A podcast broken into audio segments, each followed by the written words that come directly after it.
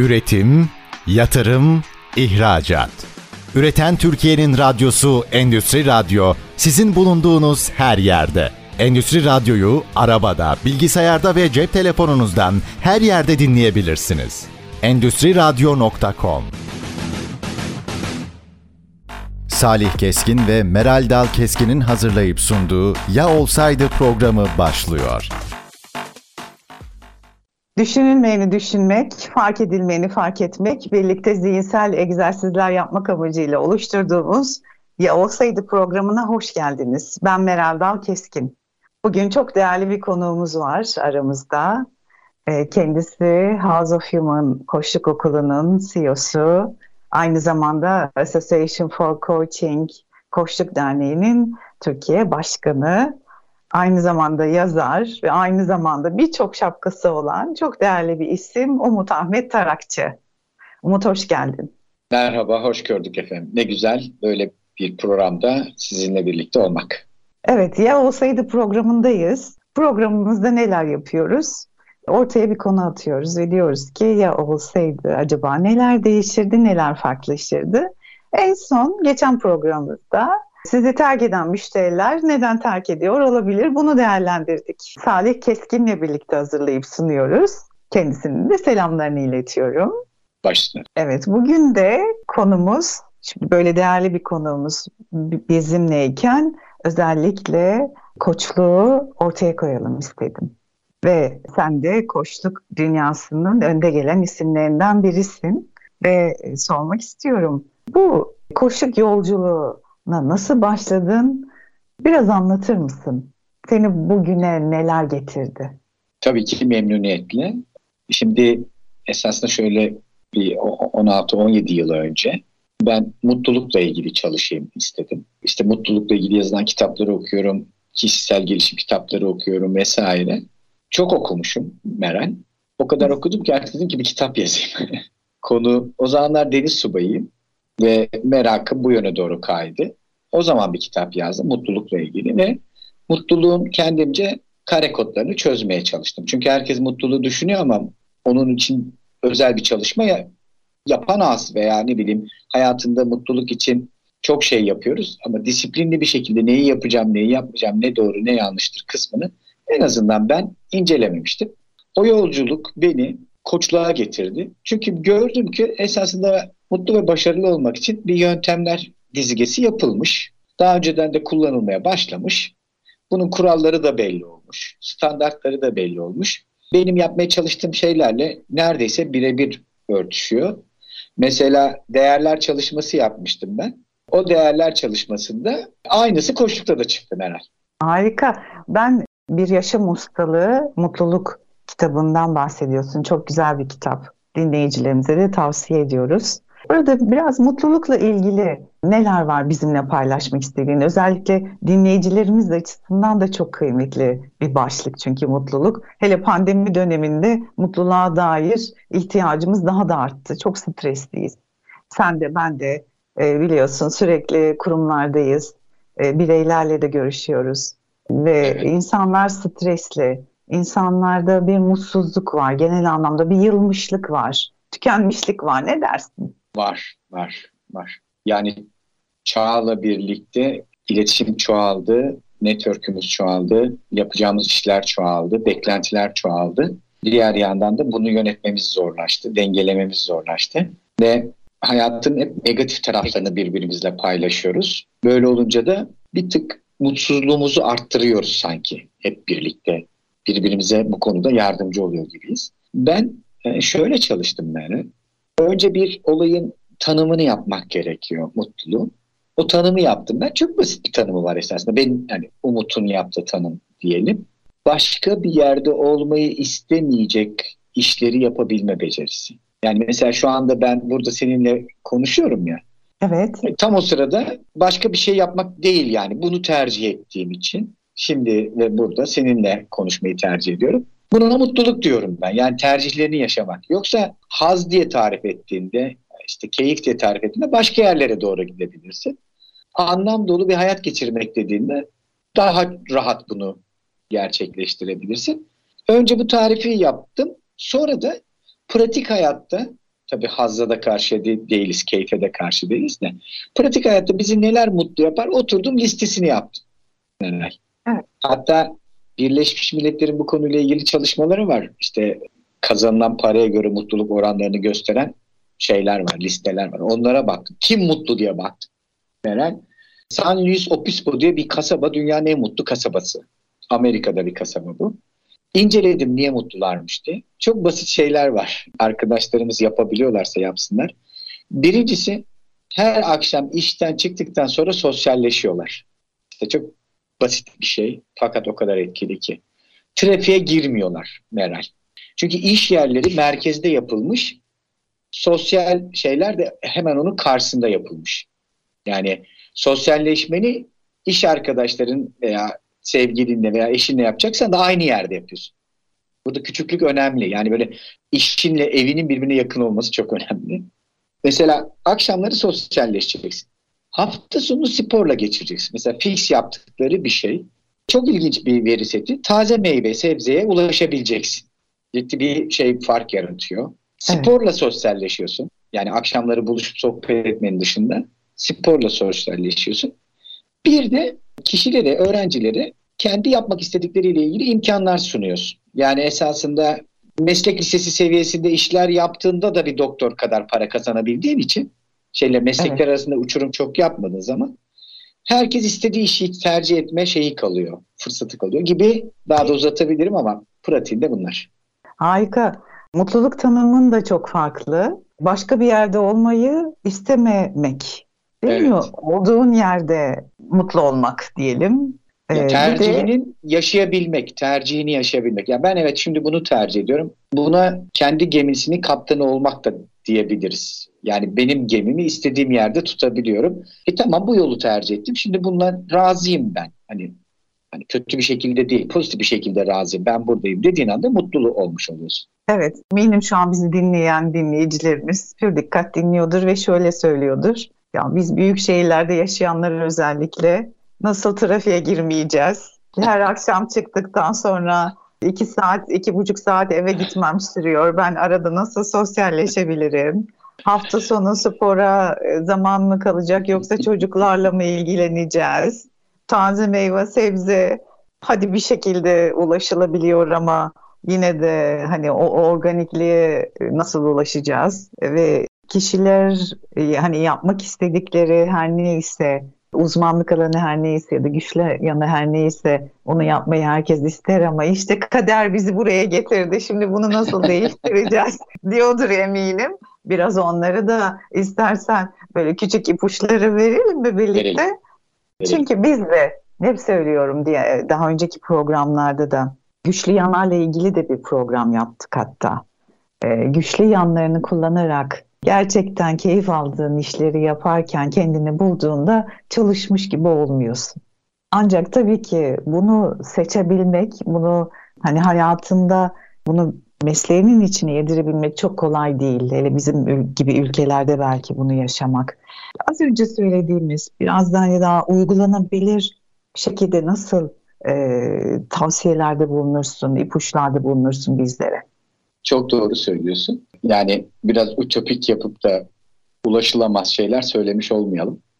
Şimdi bir insanın ne istediğini bilmesi ve onu tercih etmesi gerekiyor ya. Yani evet. biraz önceki tarifimize bakarsak istediğin hayat yani ben şimdi ve burada olmak istiyorum. Bunu seçtim diyebilmen için neyi istediğini bilmen gerekiyor. Şimdi burada konu hafif hafif koçluğa bağlanıyor. Çünkü biz gerçekten ne istiyorum sorusunu çok sık soran bir meslek türüyüz. Yani gerçekten bunu mu istiyorsun? Gerçekten ne istiyorsun? Bir önce bunu bir koyalım ortaya. Gerçekten ne istiyorum? Diyelim ki isteklerim bu biraz önce saydıklarım gibi. Olabilir. Yani niye olmasın? Efendim iki tip anlayış var. Bir tanesi sonuç odaklı olmak, bir tanesi süreç odaklı olmak. Sonuç odaklı olan insan onlara ulaşıncaya kadar kendini mutlu hissetmiyor Meral. Yani diyor ki ben o zaman evim yoksa trafiğe giriyorsam o zaman mutlu değil. Süreç odaklı insan şöyle düşünüyor. Bunun için bir şey yapıyor muyum? Bunun için bir şey yapıyorsam henüz ulaşmamış olsam bile mutluyum. Çünkü ben o yolculukta ilerliyorum. Yani sonuç odaklı insanlar genelde tatminsiz oluyorlar. Süreç odaklı insanlar ise her gün attığı adımın keyfini yaşıyor. Peki e, ülkemiz açısından değerlendirdiğinde e, tabii sen e, hem global anlamda da çalışıyorsun ama özellikle ülkemiz insanını yorumladığında sonuç odaklı tarafta mı olduğunu görüyorsun, süreç odaklı tarafta mı olduğunu görüyorsun? Kesit sonuç odaklı. Yüzde seksen üzeri. Tam rakam veremem ama sonuç odaklı. Çünkü böyle yetiştiriliyoruz. Mesela çocuk lisede eğitim alıyor. Lisedeki başarısını sınavla ölçüyoruz. Halbuki orada arkadaşlar edindi, orada bir kültür edindi, çevreyi tanıdı, kendini tanıdı, gelişimini gösterdi. Hayatındaki pek çok önemli şeye orada karar verdi. Tercihlerine orada karar verdi. Bu kadar önemli gelişmeleri görmezden gelip puanla değerlendiriyoruz. Tamamen sonuç odaklı. Süreci görmezden gelmek gibi dev bir hata yapılıyor orada. Ve bu mutsuzluğa neden olan kaynaklardan birisi. Ben bazı hedefler söyledim Meral ama esasında esas hikaye o hedefleri oraya koyup bugünden itibaren onlar için uğraşıyor olmak. Onun keyfi yani. Onu diyecektim ben de. Şimdi hani mutlulukla başladık ya. O zaman sonuç odaklı insanların mutlu olması daha zor anlıyorum ki. Zor, zor. Üstüne üstlük bir de o sonucu öteye koymuşsa. Hmm. Yani böyle e, buna da mutluluk eşiği diyebiliriz. Eşiğini yukarı taşımış tamam mı? Şunlar şunlar şunlar muhakkak olacak o zaman mutlu olacağım dediğinde günübirlik mutlulukların hepsi maalesef gidiyor. Çünkü mesela sohbet etmek dedim ben. Tamam iş arkadaşına çıktın hemen o gün yakın bir yere girmiyorsun trafiğe giriyorsun ama arabandan sohbet et. Ne alakası var canım? Aç tak arabanda arayamadın bütün insanları ara sohbet et ki trafiğin en güzel tarafı bence o. Mis gibi sohbet edersin. Yani bu işin günübirlik tarafına döndürdüğünde eşiğini çok yukarı koymazsan sahip olduğunla da ne yapabilir mi bakabiliyorsun. Biraz bu eşikte duralım istiyorum. Çünkü çok önemli. Hatta kendi hayatımdan bir anıyı anlatmak istiyorum sana. E, bu anlamda bir çözümleme de belki yapabilirsin. Benim iş hayatında, daha önceki kurumsal hayatta çalışan halim tam da o sonuç odaklı dediğin hal. Ve başarı kriteri çok yukarıda, çıtayı sürekli yükseğe koyan, rekabeti seven, kendi kendiyle rekabet etme noktasında artık ee, ve mutluluk eşiği de çok yukarıda olan biriydim. Ee, koçlukla tanışmadan önce. Ve aynı zamanda da hani e, büyük şeyler beni mutlu ediyordu. İşte büyük başarılardan daha büyük haz alıyordum, zevk alıyordum. Ama sonra hani bir maalesef üzücü bir durumla karşılaştık. İşte bu 90'lı yılındaki deprem sırasında bunu yoğun yaşayan bir ailenin çocuğu olarak e, bir anda e, hayata bakışım, kariyere, paraya bakışım, dostluğa bakışım, arkadaşlığa bakışım değişti ve mutluluk eşiğim bir anda dibe indi. O süreçten sonra artık ben küçük şeylerden de daha farklı mutlu olan, daha farklı bakan birisi olmuştum. Galiba böyle bir şey mutluluk eşiği ne dersin? Süper derim. Çok güzel örnek oldu. Biz ailelerimiz tarafından genelde çevremiz tarafından bu eşik yüksek tutuluyor bize karşı. Sonra biz de bunu satın alıyoruz. Yani bu yüksekliği satın alıyoruz. Bir de birazcık da hırslı tipsek onu iyice yükseltiyoruz. Gerçekten bunu bir noktada düşürmek lazım. Yoksa üstünden atlanmıyor. Yüksek atlama gibi düşün. Yani bir metrenin üstünden mi atlamak kolay, iki metrenin üstünden mi atlamak kolay. Toplum sen izin verdiysen bunu hep yukarı çekiyor. Hep böyle daha fazlasını ister bir hale sokuyor seni. Halbuki düşüğünden de öğrenmen lazım. Bur- buradan da mutlu olman lazım. Bir de Meral, bu işte karar verici sensin. Neyden mutlu olacağına karar vermek sana kalıyor. Yani öğretilmiş mutsuzluk mu? Öğrenilmiş mutluluk mu? Sen de kendi karar vermen gerekiyor. Örnek verelim mesela. Ben bir hatadan da mutlu olmayı öğrendim biraz zor oldu. Sen bir şey yaşıyorsun ya, bir problem çıktı ortaya. Problem bizde karşılığı nedir? Hep gerginliktir. Olumsuzluk, mutsuzluktur. Şöyle bakılırsa probleme sevecen yaklaşılabilir. Her problem senin ve diğerlerinin büyümesi için bir fırsat. Bu fırsatı nasıl değerlendirir? Evet, zaman o kadar hızlı ilerliyor ki ne kadar güzel söyledin. Öğrenilmiş mutsuzluk mu öğrenilmiş mutluluk mu? Ee, kısa bir ara vereceğiz. Aradan sonra devam edeceğiz. Üretim, yatırım, ihracat. Üreten Türkiye'nin radyosu Endüstri Radyo sizin bulunduğunuz her yerde. Endüstri Radyo'yu arabada, bilgisayarda ve cep telefonunuzdan her yerde dinleyebilirsiniz. Endüstri Radyo.com Kısa bir aradan sonra yine birlikteyiz. Çok değerli bir konuğumuz var bugün. Kendisi House of Human Koçluk Okulu'nun CEO'su, kurucusu ve CEO'su. Aynı zamanda Association for Coaching, Koçluk Derneği'nin Türkiye Başkanı ve yazar, aynı zamanda doktor Umut Ahmet Tarakçı ile birlikteyiz. Mutlulukla başladık. Koçluğu konuşuyoruz. Ve en son dedik ki mutlulukla ilgili de kendisinin çok değerli kitapları var. Bunlardan bir tanesi profesyonel koşuk kitabı sevgili Murat Avcı ile birlikte eş yazarlığını yaptığı aynı zamanda bir yaşam ustalığı mutluluk kitabı ve en son yine çok harika bir kitap çıkardı koşuk araçları biraz da bunlardan da bahsedeceğiz. Mutluluk o kadar hoş bir kavram ki, o kadar ihtiyacımız olan kavram ki bitiremiyoruz bir türlü. En son ilk arada öğretilmiş mutsuzluk mu, öğrenilmiş mutluluk mu diye bir soru sordu. Umut e, halen düşünüyoruz. Öğretilmiş mutsuzluklarla dolu bir hayatımız var. Acaba bu mutluluğumuzun ya da işte mutsuzluğumuzun altında öğretilmiş olanlar ne kadar var? ve benim kendi gerçekliğimle, kendi tanımlamamla konumlandırdığım kavramlar neler? Bunlar önemliydi. Bir örnek vermiştin. Oradan devam edelim mi? Edelim. Mesela öğrenilmiş mutsuzluklara örnekler vereyim. Gençler için mesela nasıl göründüğü eğer öyle gözükmüyorsa mutsuzluk sebebi. Yani bir profil var, ideal profil. Herkes ona benzemeye çalışıyor. O ideal profili. Onun dışında bir yerdeysen esasında tatmin olmamış oluyorsun, mutsuz oluyorsun. Yani eşik oldukça yukarıda. Yani herkes güzel, herkes yakışıklı olmak zorunda. Mesela işlerde herkes bir tip bir başarı göstermek zorunda. Yani işte eviyle, arabasıyla, maaşıyla belirli bir şeyin üstünde olmak zorunda. Bir de bunlar olmadığında hem mutsuz olman isteniyor hem de mesela çok mutlu olmak yakın arkadaşlar tarafından tercih edilmiyor. Mesela sen ağlıyorsan, kurban rolü oynuyorsan Meral daha fazla arkadaş buluyorsun. Yani kültür şeyi destekliyor. Kim daha fazla e, sorun yaşıyor, yaşadığını ilan ediyorsa herkes ona dönüp bakıyor. Herkes onunla ilgileniyor. Yani toplum bir nevi şeyi destekliyor. Mutsuz kişinin varlığını destekliyor. Mutlu kişiye de bir huzursuz bakıyor. Mesela birisi bana nasılsın diye soruyor. Ya abi çok iyiyim enfes falan. Dediğimde şey diyor. Ya Amerikan vari şeylerle umut diyor bana.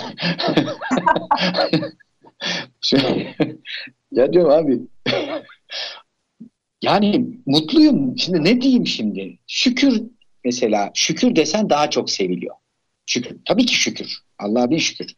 Ama diğer yandan bunu da ifade edebilmem lazım değil mi? Mutluluğumu da paylaşabilmem lazım. O yüzden mutluluk genelde aile içinde yalnız yaşanıyor gibi bir durum var. Mutsuzluk da çevreyle paylaşılıyor. Ne kadar farklı bir konuyu e, gündeme getirdin. Şu an düşünüyorum ben de dinleyicilerimiz de eminim düşünüyordur. İyiyim desen bu sefer o hayat sana güzel. Biz nelerle uğraşıyoruz, sen neler yapıyorsun. Bir de hani nazar değer korkusu da oluyor bazılarında bizim kültürlerimizde. O da kültür o yüzden... öğretilmiş öğretilmiş değil mi bu da? Evet. Bir de mesela yine iş hayatında olan kişilerde daha çok denk geliyorum. Ben eski satışçılardım. O yüzden de çok firma ziyaretlerim olurdu. İşler nasıl dediğimde muhakkak kötü olması gereklidir. Çünkü karşıdan bir pazarlık isteği gelirse orada e, üste çıkması lazım. İşler kötü. O yüzden de hani fiyatlar indirilsin gibi. Bunlar da galiba öğretilmiş yaklaşımlar. Öğretilmiş. Bir de sonuç alınmış. Yani mutsuzluğun getirisi olduğu sonuç alınmış. Ya biz şefkat mesela anne babadan şefkati isteyen çocuk da mutsuz rolünü üstleniyor. Ağlayarak anne babasını yanına çağırabiliyor. Mesela gülen neşeli bir çocukla daha az ilgileniyor anne babalar. Yani sürekli şey var. Bu konuyla ilgili öğretme var. O yüzden mutluluğu kendin yeni baştan öğrenmen gerekiyor. Mutsuzluk öğretiliyor. Mutluluğu seni sıfırdan öğrenmen gerekiyor. Yeniden tarif etmen gerekiyor. Kavramı ortaya koyman gerekiyor. Neyi istediğini netleştirmen gerekiyor. Buna nasıl ulaşacağını netleştirmen gerekiyor. Tam işte burada koçluğa bağlayabiliriz. Çünkü bunun adı koçluk oluyor. Evet harika.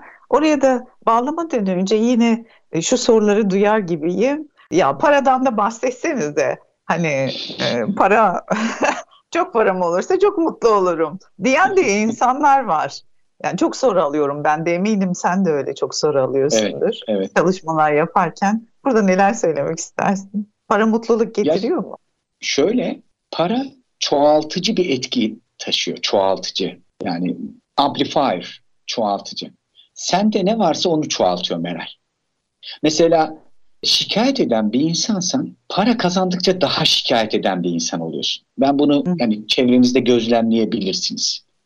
Daha da büyük konuşan, daha da dertlenen, daha da gerginleşen bir insana dönüşüyor. Ama huzurlu bir insansan para huzurunu arttırıyor. Yani sendeki kaynağı çoğaltıyor. O yüzden ben paraya karşı değilim. Daha çok kazanılması gerektiğini düşünüyorum.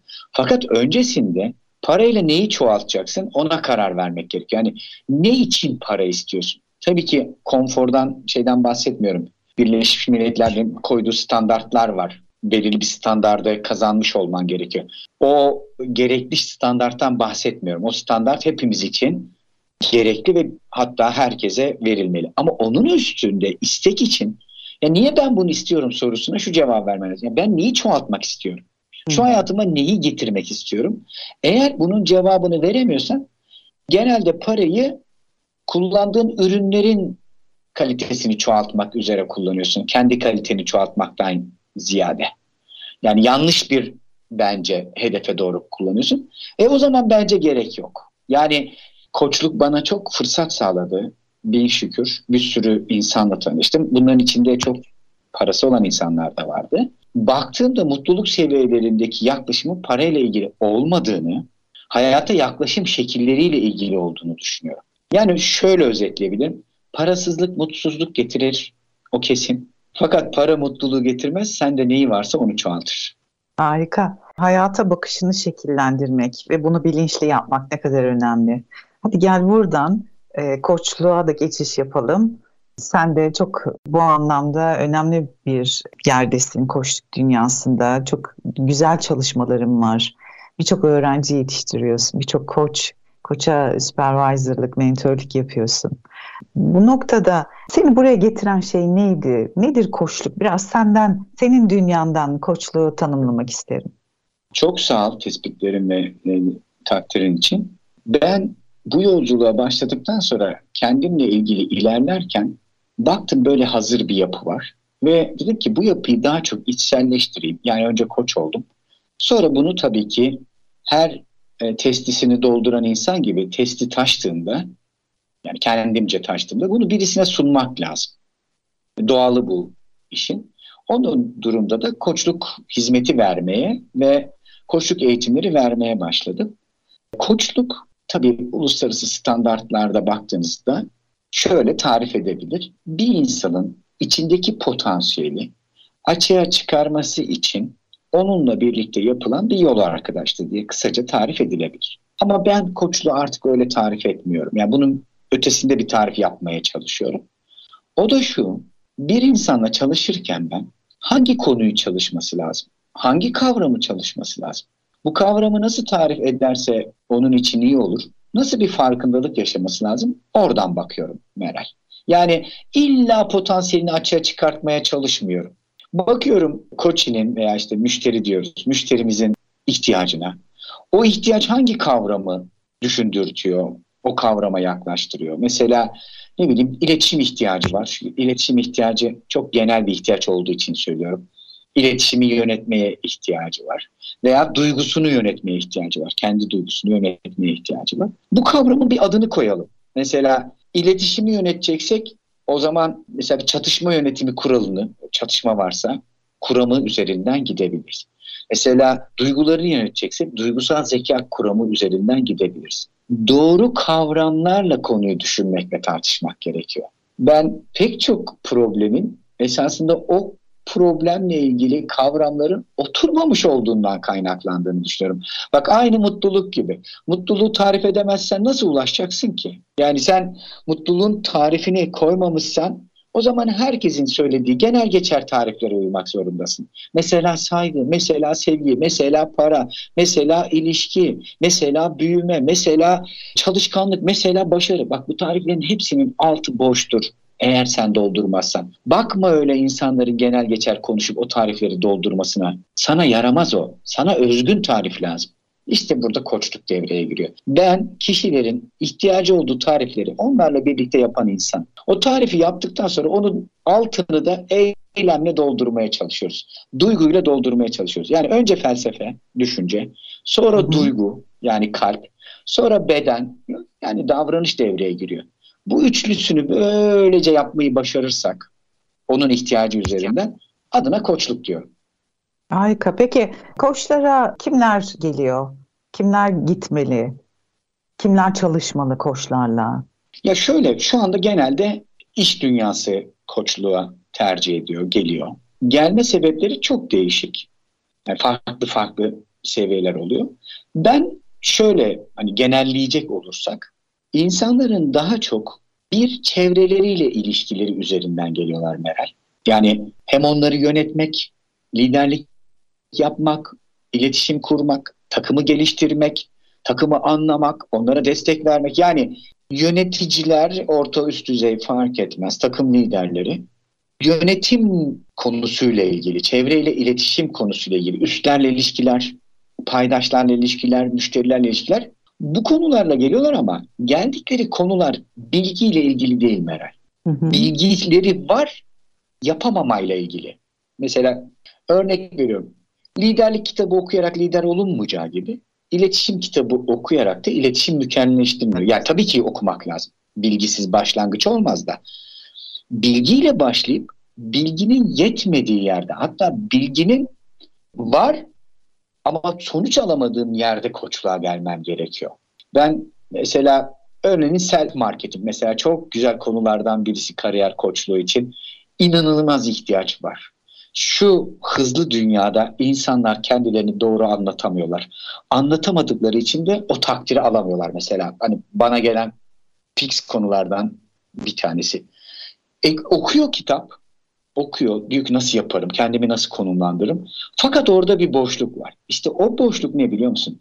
Bilgi ile davranış arasındaki boşluk. Yani kavramla eylem arasındaki boşluk. Ben de o eylemi, o kavramı netleştirelim. Hadi o eylemi bulalım diyorum. O yüzden gene dönüyorum başlangıçta sorduğun soruya. Bir, ilişkiler konusunda geliyor. Hı hı. Yani oradaki kişiler, üçüncü kişiler hakkında geliyor. Onlarla iletişim vesaire büyütme. İkincisi kendi gelişimi hakkında geliyor. Yani kariyer bağlamında düşünebiliriz. İşte hangi işe geçeyim, nasıl yapayım, nasıl büyüyeyim, nasıl kişisel gelişeyim diye kendisine doğru bir şey olarak geliyor. Ve üçüncüsü de hayatın sorgulamak üzere geliyor. Hayatı sorgulamak üzere geliyor. Yani ne istiyorum, neden istiyorum konuları ağırlıklı gelebiliyor. Tabii bu birazcık sonradan çıkıyor. Ve dördüncüsü nasıl bir yolculuk en hızlı olur'a geliyorlar. Biraz daha şeyden bakanlar hani sorunu tespit etmiş de ilerlemeye doğru dönenler diyeyim. Onlar da böyle bir dörtlü kategorize yapabiliriz. Evet, aynı zamanda kurumsal tarafta da yoğun çalışmalar yapıyorsun. Orada da benim tespitim e, tüm bunlara ilave hani yetkinlik geliştirmek konusunda çok koçluk ihtiyacı oluyor. Çok. Özellikle executive coach deniyor buna. Yani yönetici ve lider seviyesinde koçluk yapabilecek e, kişilere global anlamda executive, executive coach ünvanı tanımlanıyor. Yönetici lider koçu gibi düşünebilirsiniz. E, orada da yine çatışma yönetimi, stres yönetimi, problem çözmek, müzakere etmek gibi tüm alt Konular. yetkinliklerin hepsi bir koçluk süreci içerisinde konu olabiliyor. E, koçla müşterisi arasında değil mi? Evet onu işte ikinci kategoride ben o bireysel gelişim içinde genelleyip geçtim. Sen detaylandırdın. Ee, şimdi bizim koçlukta başlangıç sebepleri genelde problem yaşamaları oluyor insanların meral. Evet. Fakat koçluğa geldikçe problem çözülse bile koçluğu ilerlemek için bir araç olarak kullanmaya başlıyorlar. Yani sorun çözen doktordan ilerleten, sağlık veren doktora dönüyorsun. Yani tedavi edenden değişiyorsun, önleyici tıbba geçmiş gibi bir şey oluyorsun. evet ne güzel tanımladın. Aklımdakini söyledin gerçekten. Bunun yanı sıra tabii ki hani koçluk konumuz olduğu için böyle iş dünyasında koçluk var. Bir de hani yaşam koçluğu denilen bir çeşit var. Orada da yine e, yaşam koçları da insanların e, bu az önce söylemiş olduğum farkındalıklara ulaşması için kendilerinin istedikleri, hedefledikleri versiyonuna nasıl ulaşabilirler? Orada kendilerini fark etmek ve engellerini görmek açısından çok güzel bir yolculuk oluyor. Zaman yine çok hızlı ilerledi ve çok kısa bir ara verelim. Aradan sonra yine çok değerli bir başlıkla devam ediyor olacağız. Üretim, yatırım, ihracat. Üreten Türkiye'nin radyosu Endüstri Radyo sizin bulunduğunuz her yerde. Endüstri Radyo'yu arabada, bilgisayarda ve cep telefonunuzdan her yerde dinleyebilirsiniz. Endüstri Radyo.com Aradan sonra yine birlikteyiz.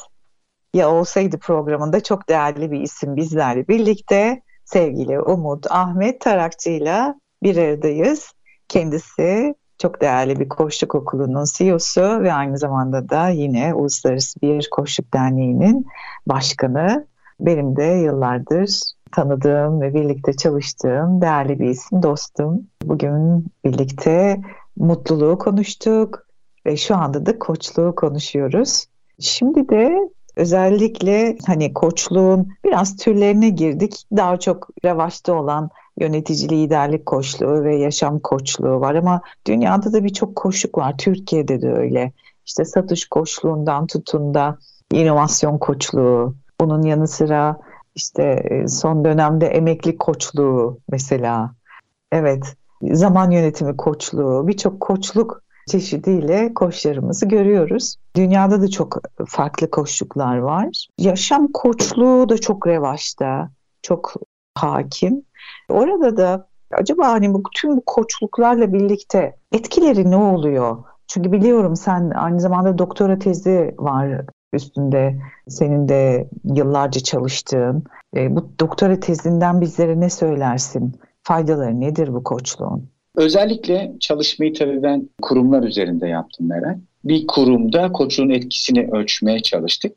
Hatta öyle bir kurumdu ki koçluk alan kişilerin verimlilikleri otomatik hesaplanıp bonus olarak kişilere ay sonunda ekleniyordu. Yani yaptıkları çalışmalar satış gibi düşünebilirsin. En sonunda kendilerine ay, ay sonunda prim olarak ödeniyor. Böyle olunca koçluğun etkisini direkt prim üzerinden ölçtük. Bu çok böyle objektif bir veri seti oldu.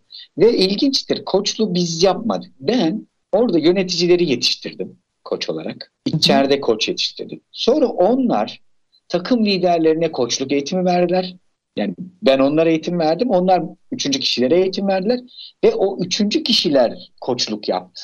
Yani suyunun suyu gibi bir şey ama inan şöyle oldu. Dört ay boyunca minimum dört seans koçluk alan insanların çoğunda hatta net rakam yüzde 97'sinde performans artışı gözlemlendi Meral. Bu inanılmaz bir rakam. Burada 1200 kişiye koçluk yapıldı. Hani 1200 kişi de bunu gözlemlemek çok çok iyi bir şey. Çünkü normalde bu kadar net çıkmaz veri setleri. Sonra gene belki düşmüştür. Hani sürekli o verimlilik sürekli yükselmez biliyorsun. Yani kendi eğrisi de var bir noktada düşmüştür muhakkak ama en azından şunu çok net söyleyebilirim. Koçluk alınan dönemde verimlilik arttı. O yüzden bugün dönüp baktığımızda benim gördüğüm ilk bin firmanın en az hani bir istatistik yapmadım ama çoğu firmaya girip çıktığımız için biliyorum 600'ün üstünde bir, bir firmanda 600'ün üstünde kurum koçluk veya mentörlüğü içeride bir sistem olarak uyguluyor.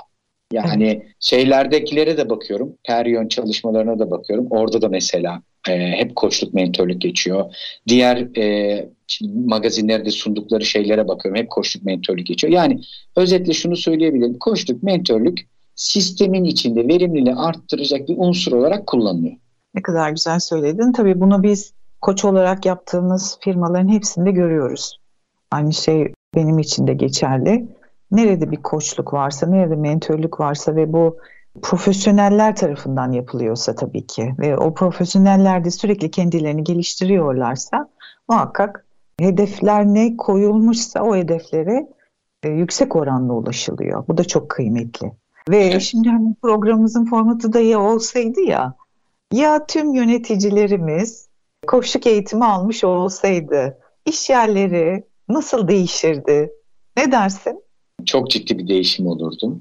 Yöneticiler kendileriyle çalıştıktan sonra diğer kişilerle çalışıyorlar. Koçlukta mantık böyle ilerliyor. O yüzden kendisiyle çalışan yönetici de hep iyiye doğru, kendisinin daha iyi bir versiyona doğru evrilecektir. Yöneticinin Türkiye'de etkisi çok yüksek. Yani biz kolektivist bir toplumuz. E, kolektivist toplumlarda üst yönetimin bakış açısı bütün içeriği etkiler. Yani en üstün bakış açısı herkese etkiler. O yüzden de onların koçluğu biliyor ve uyguluyor olması içeride çok ciddi bir kültürel değişime neden olur. Bunu topyekün e, koçluk uygulayan firmalarda çok net görüyoruz. Keşke herkes koç olsaydı. Böyle bir trend var bu arada. Onu görüyorum. E çok da mutlu oluyorum. Hepsi tam anlamıyla uygulayamıyor. Öyle bir eleştirimi de koyayım ortaya. Ama on, şöyle bir genel olarak baktığımda çok iyi olurdu. Daha mutlu iş yerleri olacağı kesin. Birbirini daha çok anlayan insanlar olacağı kesin. Sorunların üzerine bir problem gibi değil de bir öğrenme yolculuğuyla gidecek bir ortam olacağı kesin. Ve uluslararası entegrasyon, teknolojiye entegrasyon, diğer kültürlere entegrasyon da daha hızlı olur. Birbirimizi daha hızlı kabul edebiliriz. Ön yargılar da çok azalabilir. Keşke bütün yöneticiler koç olsa dedim. Evet. Ben de bununla ilave şunları paylaşmak istiyorum dinleyicilerimizle. Bir kişi gerçekten hani isteyerek koşuk aldığında özellikle en önemli noktalardan biri de geri bildirim almaya açık hale geliyor. O kadar kıymetli ki geri bildirim alma açıklığı. Çünkü bu geri bildirimin içinde hem güzel yaptıkları tabii ki konuşulacak ama daha da iyi yap, yapacağı ya da yapmadığı şeyleri de e, duymaya hazır olması. Çok önemli görüyorum bu noktayı da. E, yanı müthiş, sıra tabii müthiş. bir koçvari bir dil var, farklı bir dil var. O dil çok evrensel, global bir dil ve bize çok güzel geliyor. Özellikle kurumsal dünyada. Çünkü hem güzeli söylüyorsun hem güzeli olmayanı söylüyorsun ama kırmadan söylüyorsun. Yargılamadan söylüyorsun. Senin yaklaşımını da çok beğeniyorum. O şekillendirici geri bildirim var ya, o şekillendirici geri bildirim koçluk dünyasından öğrendiğimiz bir şey yöneticilerin aslında. Bunu herkesin yaygınlaştığını düşünüyorum. Tüm şirketlerde bu dilin hakim olduğunu düşünüyorum. Başka bir evren var orada. Hayal dünyası da değil bu arada. Meral, eğer bana deselerdi ki ya bir tane bir şeyi değiştir.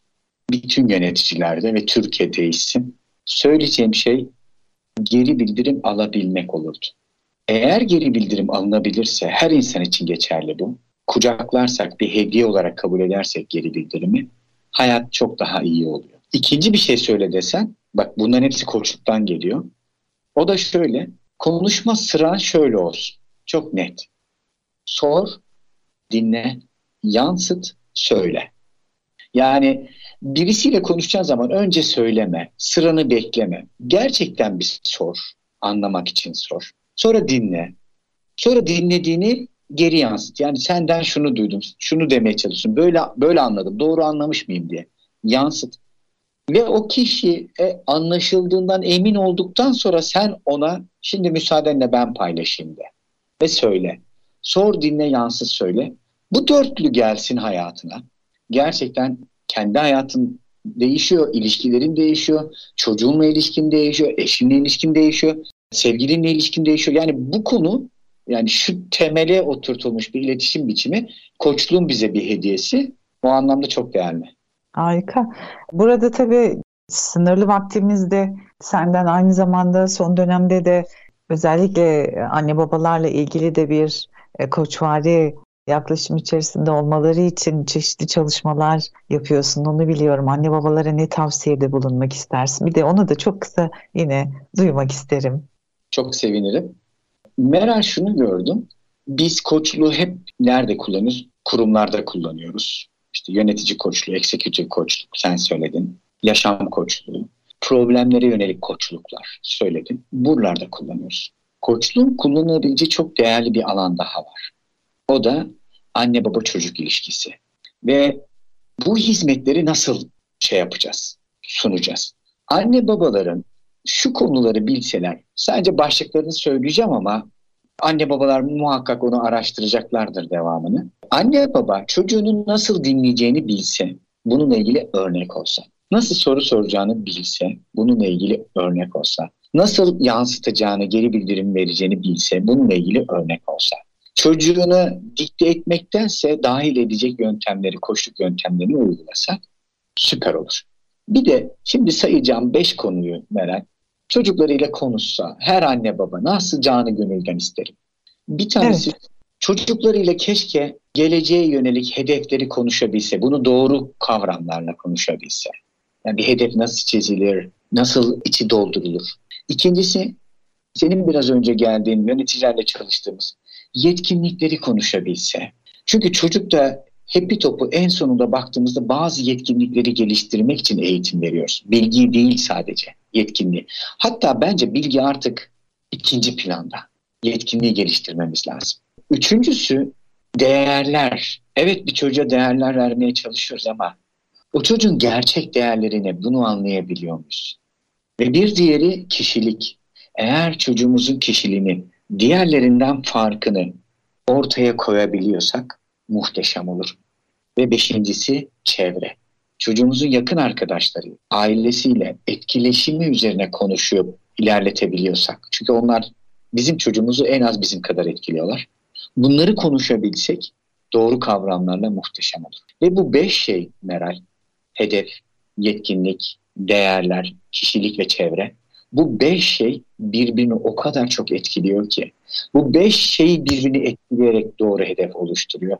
Bu beş şey birbirini etkileyerek doğru yetkinlik seçilebiliyor.